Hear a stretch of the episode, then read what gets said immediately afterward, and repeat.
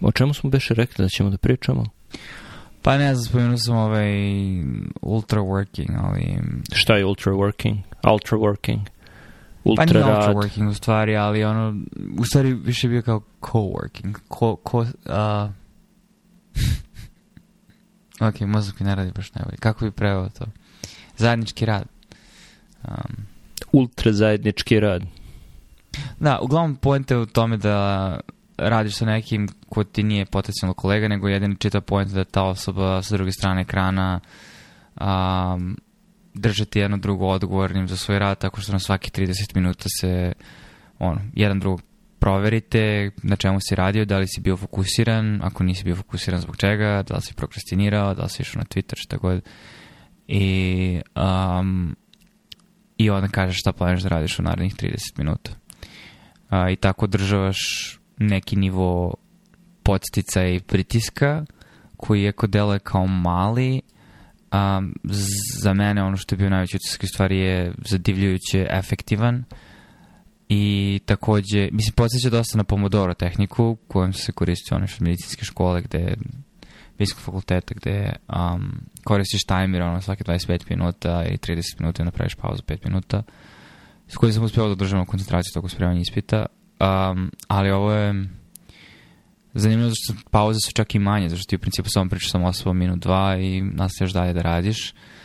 I ono što je meni iznenadilo je da koliko te tvoj mozak laže kada ti kaže da si umoran, da je dosta, da bi trebalo da napraviš pauzu, da a, jer lagano odradiš 10-12 sati posla u toku dana. Naravno imaš malo pauza za ručak, šta god ješ do WC-a, ali ovaj, bez ostalih distrakcija, bez socijalnih mreža, poruka, zaista možeš dosta da uradiš u toku dana. Naravno, to mora se desiti u toku dana kad nemaš sastanke, idealno, čega je sve manje, ali u svakom slučaju zanimljiv eksperiment koji je mislim da ima nečega tu i da u nekom obliku bi trebalo nastaviti, tako da vidimo se utorak.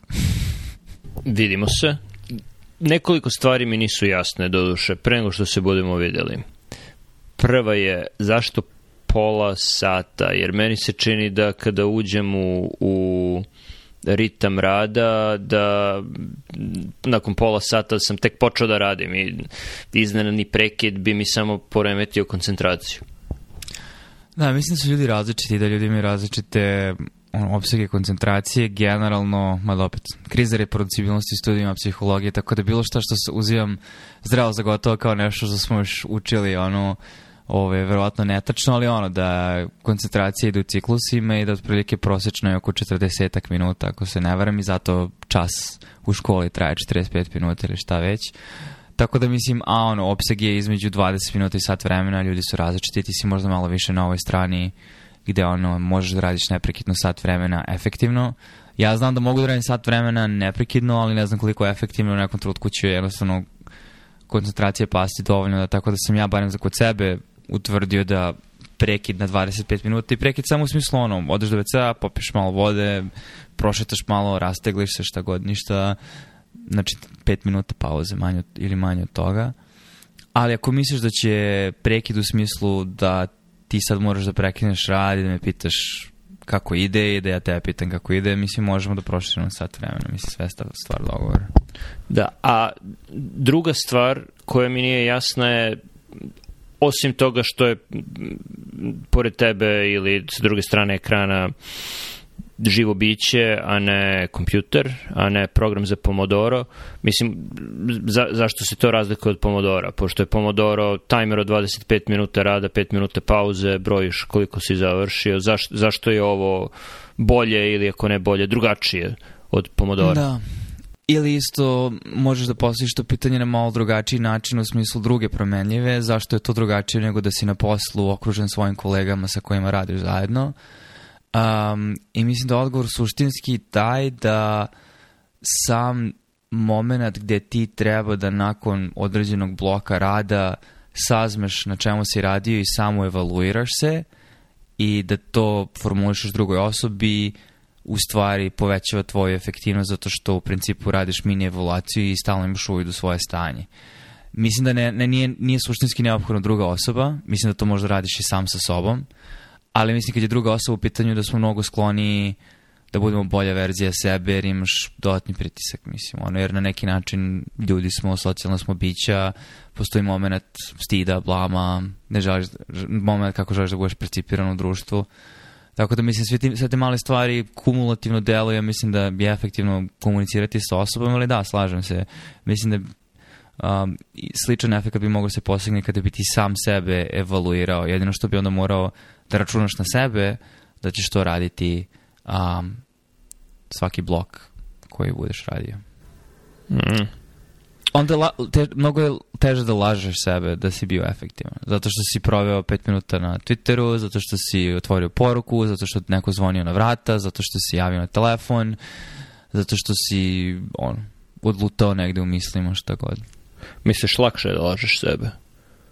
Lakše da lažeš sebe kada da, nemaš taj moment odgovornosti da moraš u svakom bloku da podneseš Aha. mali izveštaj o tome šta si radio. Ali ako treba drugoj osobi da podneseš izveštaj, onda je teže da lažeš sebe u trenutku kada da. podnosiš, podnosiš taj izveštaj. Da. I onda si motivisan da u narednom bloku budeš efektivniji zato što znaš da ćeš na kraju morati da podneseš mini izveštaj. Mm. Treća stvar koja je bitna za sebe se ne brinem, ali druge osobe imaju problema da kada sednu i imaju i neograničen dan, imaju celi dan pred sobom i mogu da, da ulože puno truda u to što rade. Pitanje je izbora, na čemu ću raditi, šta sada treba da bude fokus moje pažnje, da li ću provesti tih pola sata ili sat ili koliko već se odlučemo za, za period rada, da li će ga provesti u odgovaranju na mailove ili sastavljanju novih mailova ili na nešto smislenije. Da, mislim da ovaj eksperiment ne rešava taj problem. Mislim da je to na tebi ili na meni. Mislim na osobi koja radi da odluči. Mislim, naravno ti možeš da kažeš, odgovarao sam na mailove i nekada je to bitno zato što imaš urgentne ili relativno urgentne stvari na koje treba da odgovoriš, ali naravno da možeš cijel dan da provedeš u gluposti, ali na neki način ideje da ako si motivisan da kontinuirano radiš, da ćeš raditi na nečemu što je vredno tog truda. Tako da barem sam ja video da, naravno je bilo zadataka koji su bili ono, više neka administracija, održavanje, ali veliki veći deo svega toga jesu bile stvari na kojima sam želao da radim i za koje mislim da su bile bitne. Ali da, individualno je. Mislim, to, to ne rešava ovo taj problem.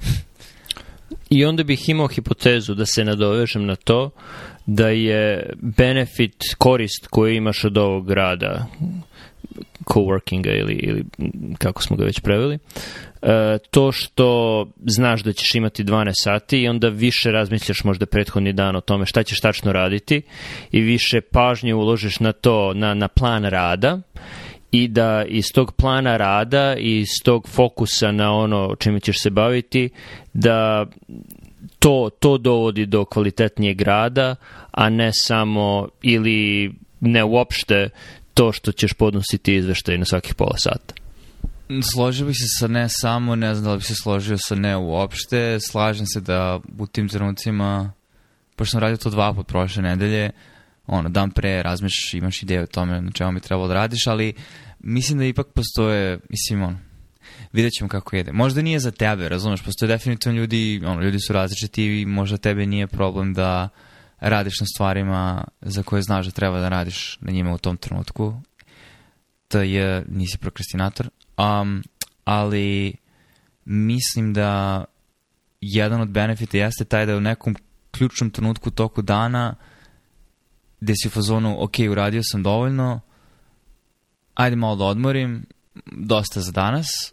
Mislim da tu kad se lomi to, da u stvari i dalje imaš energiju u sebi, samo uh, nemaš dovoljno podsticaja, a ne mislim na to da sad praviš sebi pritisak u smislu da se izmoždavaš, ono, burnoutuješ ili šta god. Mislim da je to ključna stvar. Um, ali on, vidjet ćemo. I da završim još, još jednim skeptičnim pitanjem, da li je 12 sati neophodno, pošto moje iskustvo je da, da više volim da, da ubacim malo vremena za sport, e, razonodu i druženje sa porodicom u svaki dan i da tako onaj rad koji kojim se baviš pre toga postane smisleniji umesto maratonskih sesija od 12 sati, a dan nakon toga si neupotrebljiv za bilo šta uključujući za, ili za takav rad ili za sport i razonodu. Ne, nije neophodno 12 sati. Možemo da radimo 8 sati. Pitam generalno, da li je, sad, sada ne, ne, ne pitam konkretno za naš plan, nego pitam generalno za taj, mislim, kogod se setio toga i kogod je dao taj naziv i kogod je napravio taj sajt gde avatari ljudi se sreću u digitalnim sobama, šta god, e, da li oni preporučuju da to bude 12 sati, da li je, da, da li, mislim, da, ne. da li znaš nešto više o tome? Da, nije, nije, nije čak ni, mislim, sajt je, sajt je generalno sajt na kome ljudi mislim da ka, kapiram da je osnovno čak i u toku pandemije, ali barem eksplodirao ta da, da, imaš malog digitalnog avatara, čitava poenta da ste u nekom ono, prostoru koji je tu nacrtan, uh, ali to je poente kad se približiš nekom fizički, tad se uključuje videokamera i mikrofon, tako da ljudi koji su u drugoj prostoriji ne da ih čuješ, tako da jeste mala simulacija nekog ranog prostora, ali ovo je više ono ideja, mislim, Aleksejeva, ono, koji je to započeo, jedna mala grupa ljudi i, i generalno na Slacku oni kače kad je ko dostupan i vide da li se preklapaju i ono, ljudi rade po 4 sata, 5 sati, 6 sati, nije, nije, 12 sati suštinski neophodno, niti merodavno, više možda 12 sati meni barem bilo prošle nedelje zanimljiv eksperiment da vidim da li je to moguće i kako ću se osjećati na kraju dana. Ovaj... I imao sam vremena za razvodno to, razvodno to veče, mislim kao što znaš. A dan nakon toga? Da, da, okej, okay. dan nakon toga sam imao kliniku, mislim, ono, tako da to je bilo samo po sebi dovoljno efektivno. Mislim, nisam morao dodatno, i naravno neke minorne stvari, e-mailovi i to, ne, ali nisam morao da, osjećao se mnogo bolje naredni dan da nisam imao pritisak nekih drugih stvari u toku tog dana i mogu samo da više se fokusiram na kliniku. Da, to je uvek dobro.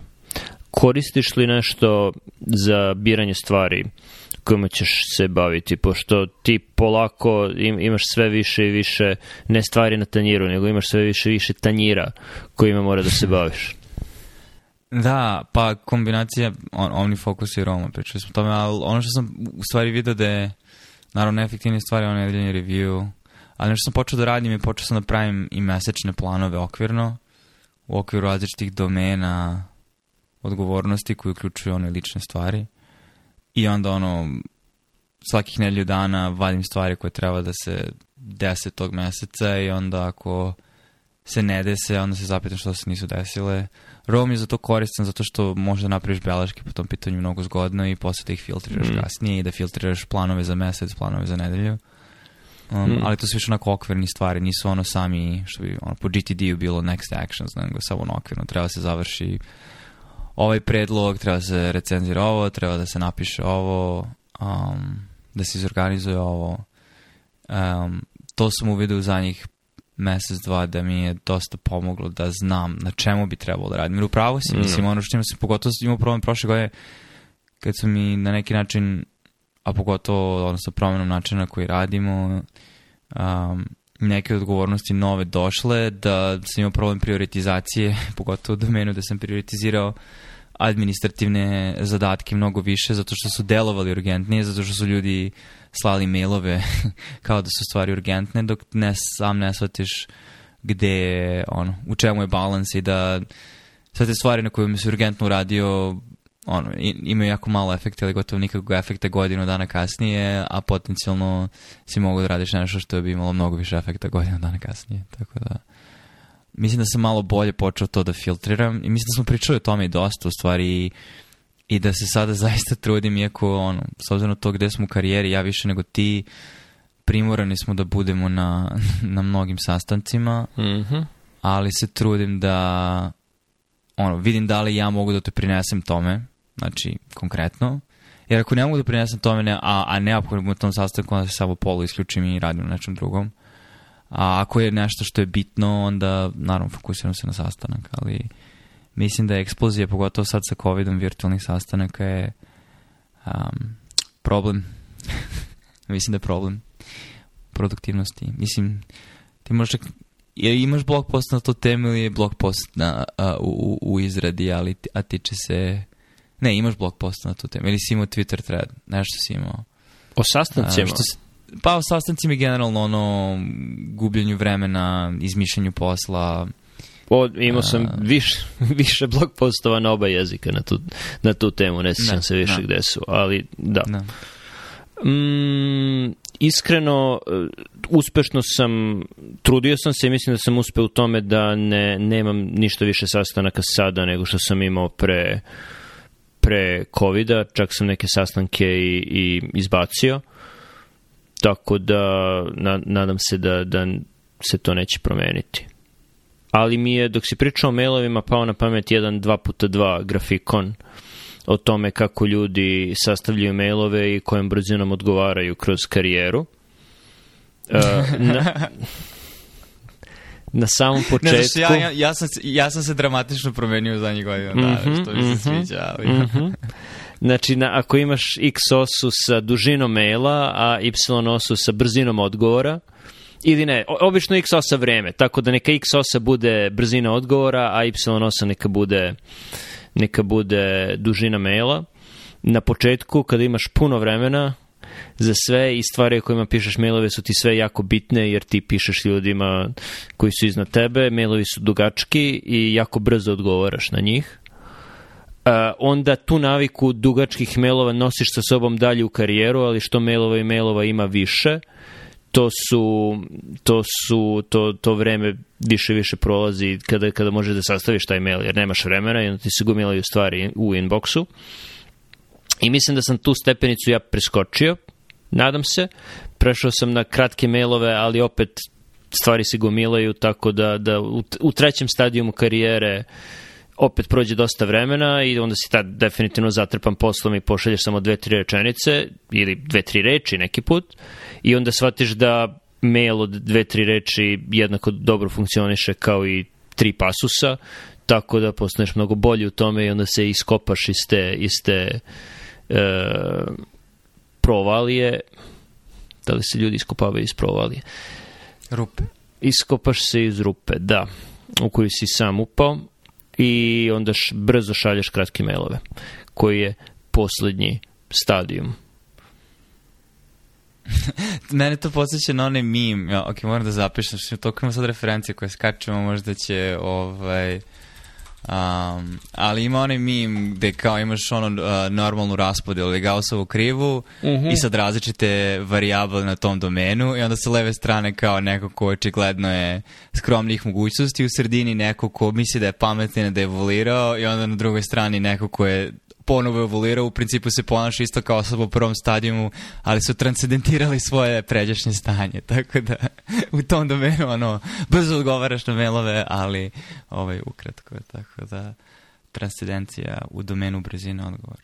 Ne, slažem se s tom skroz, zato što pogotovo sada volumen mailova mi se ono udesetostručio u zadnjih godina dana i, i ne, ne, nemam vremena i drugo, mislim, glavni problem, pogotovo mislim kada počinješ i kada to ono, pišeš ljudima iznad sebe, ne želiš da deluješ ne želiš da uvrediš nekoga i na neki način čak se očekuje da ono, student medicine kad nekome piše da to bude opširnije jer govori isto o distribuciji, naravno da ne piše pasose i pasose, ali jednostavno govori o distribuciji i interesovanja, da je zainteresovanija osoba će imati, ono, voditi račun u pravopisu, im stavljati zaglavlje, stavljati potpis i tako dalje ali da ovaj, kada počneš da radiš sa ljudima, kolegama, I ono, kada jedni drugima distribuirate posao, tebe neko nešto traži, ti nekome nešto daš, ti nekome nešto tražiš, postaje samo jednostavno mnogo efektivnije, da, bukvalno ono, u jedno, dve rečenice to i čak smo ono ga skoro politika, ako ti treba više tri rečenice da nešto kažeš u mail, onda, onda treba da zakažeš sastanak, što možda nije... E, d, e, primenjivo na sve vrste mailove, neki mailovi su i referenca i dokumentacija, komunikacije. No. Da. Um, ali za dosta ovako ove svakodnevne korespondencije gde ono, pošalje mi ovaj PDF, el možda, jel možemo da se nađemo tada, jel možda radiš ovo tada, šta ti radiš ovde, jel znaš ko bi mogao da mi pomogne koga, te se stvari mogu u dve rečanice nema potrebe da se opširno piše uopšte. Da. Mislim, zakazivanje sastanka, možda zakazivanje poziva. Jer da. Telefonski pozivi su u stvari dobar vid komunikacije, ono što je problem sa njima je što dolaze iznenada, neočekivano kada nisu zakazani, ali zakazivanje poziva, ne, ne video poziva, običnih poziva, jedan na jedan je jako dobar metod komunikacije koji bih voleo da je lakši. Mislim, sad je u stvari relativno lak, jer kada pošalješ e, poziv za, za sastanak u nečiji kalendar, to, to se sinkuje i može u tom pozivu da, da stoji broj telefona svake osobe i, i ako se menja vreme, menja se svim u isto vreme i vremenske zone su bolje, mislim vremenske zone su sinhronizovane, tako da nema takvih problema. Jedino što u komunikaciji sa e, ljudima iz Srbije postoji problem što mislim da u Srbiji ni, ne znam da li u firmama zaživelo to da ljudi koriste kalendare korporativne za, za stavljanje sastanaka, ali definitivno to nije zaživelo na univerzitetima. Tako da, ili ono, kod privatnih lica, pojedinaca, tako da je malo teže to raditi sa, sa ljudima iz Srbije. Da, ali mislim da suština poziva, ili barem jedan razlog zašto jeste produktivan metod komunikacije ili produktivni sastanak je zato što su dve osobe uključene, tako da jer čim imaš troje ili četvoro ljudi, onda se javlja pitanje konsenzusa, javlja se pitanje no. Da. drugih mišljenja i tu onda dosta se može rasplinuti. Pa poziv... To hoću kažem, zato što sam dosta mhm. sada na Teamsu, ono, čak i ako je video poziv, ali ukratko ako si već za kompjuterom i neko ti se samo javi, za 10 minuta se dogovoriš i završiš. Mislim da video sam po sebi tu ne, ne predstavlja toliki problem. No. Da. Možda može bude dodatna distrakcija, ali ovaj, u principu samo se našao s nekim jako kratko, dogovorili ste se i nastavljaš dalje. Uh, e, video je distrakcija i još bitnije ono što sam primetio je da mnogo bolje funkcionišem u dijalogu i mnogo bolje slušam dok hodam tako da pokušavam da zakažem sve pozive jedan na jedan u jedan dan, u jedan blok od sat, sat i po i onda možeš da šetaš i pričaš što je mnogo meni bar bolje nekako sam skoncentrisani na, na sagovornika ako nemam ekran pred sobom i druge distrakcije. U prostoru ovako samo šetam, obično stazom kojom sam navikao da šetam, tako da ne mora da razmišljam o saobraćaju i o drugim stvarima. Uh, da e, ili može da praviš krug oko, pa krug oko NIH-a ili... Mislim da sada šetaš dok vodim ovom razgovor. Znaš da ne šetam, prosto smo uključili video, ali i ne, mm, suviše bučno. Neverovatno je kako kad si tako na pozivu, koliko više pažnje obratiš na neverovatnu buku koju stvara saobraćaj, kamioni, građevinci koji sređuju dvorišta i kuće, uh, e, džubretarski kamioni, e, latinosi koji sređuju bašte i duvaju lišće mašinama, aparatima, ima jako buke, u, jako puno buke u gradu, što dobro, to je mana poziva, ali mislim da moderna tehnologija dosta dobro ume da, da sakrije to. Ili bar učini podnošljivim e, strani koje te sluša. Na, razgovor malo sad evoluira i kapiram da trebalo da uskoro završamo, ali sam sad podsjetio na to da, mislim, ono, a možda smo se dotakli toga ranije, ali da barem u prošle godine, ono, dolazkom pandemije, cijelim mojim radom od kuće, inicijalno je bio, barem za mene, jedan popriličan period adaptacije, pogotovo što sam dosta stvari koje sam radio prošle godine ipak zahtela da budem fizički na poslu, ali sada kada se to promenilo i kad sam napravio ćošak u stanu da se prilagodi uslovima na poslu sa velikim ekranom i td. Ne ide mi se na posao. Znači ono, ako ne moram, u smislu ako je u pitanju znači, nega pacijenta, kliničke odgovornosti, to um, naravno, ali što se tiče uh, rada na kompjuteru, čitanja, slanja mailova, šta god, preferiram da ostanem kod kuće sam. Takođe.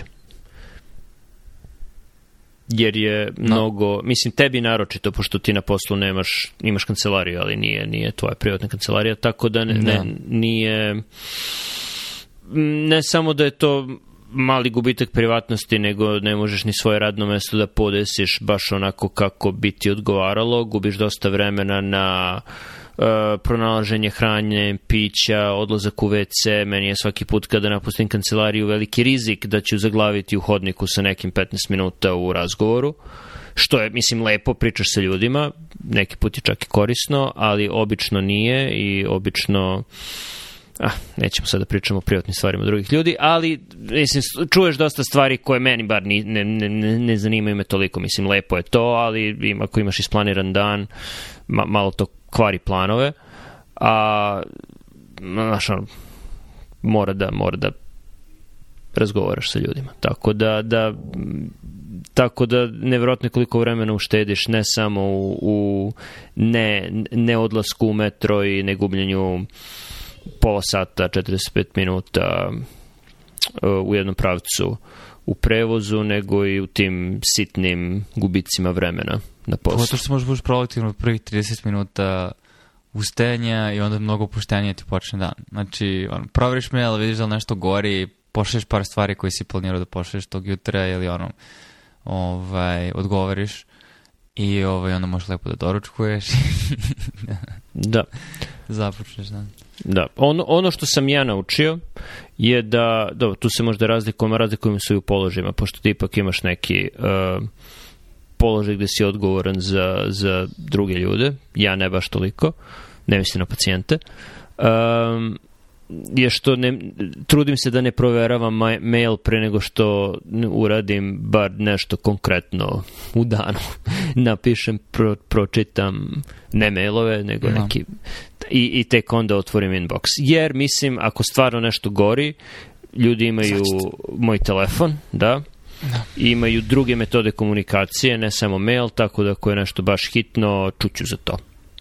Da. Možda ću imati hrabrosti da ja to uradim. Uskoro ono što sam uradio zadnjih par meseci, što mislim da je bilo zaista efektivno, da sad promerava mail samo tri puta dnevno. Znači, ujutru samo da vidim da li nešto goruće i da ono pobrišem stvari koje se lako pobrištati, u, ono kuručka i onda uveče i to je to. A, ne, ne stoji mi otvoren inbox uopšte, zato što je dopaminski š, ono, hit, znači svaki put kad ti dođe nešto u inbox ti, a, a šta je ovo sad, mogli bi da rešimo ovo.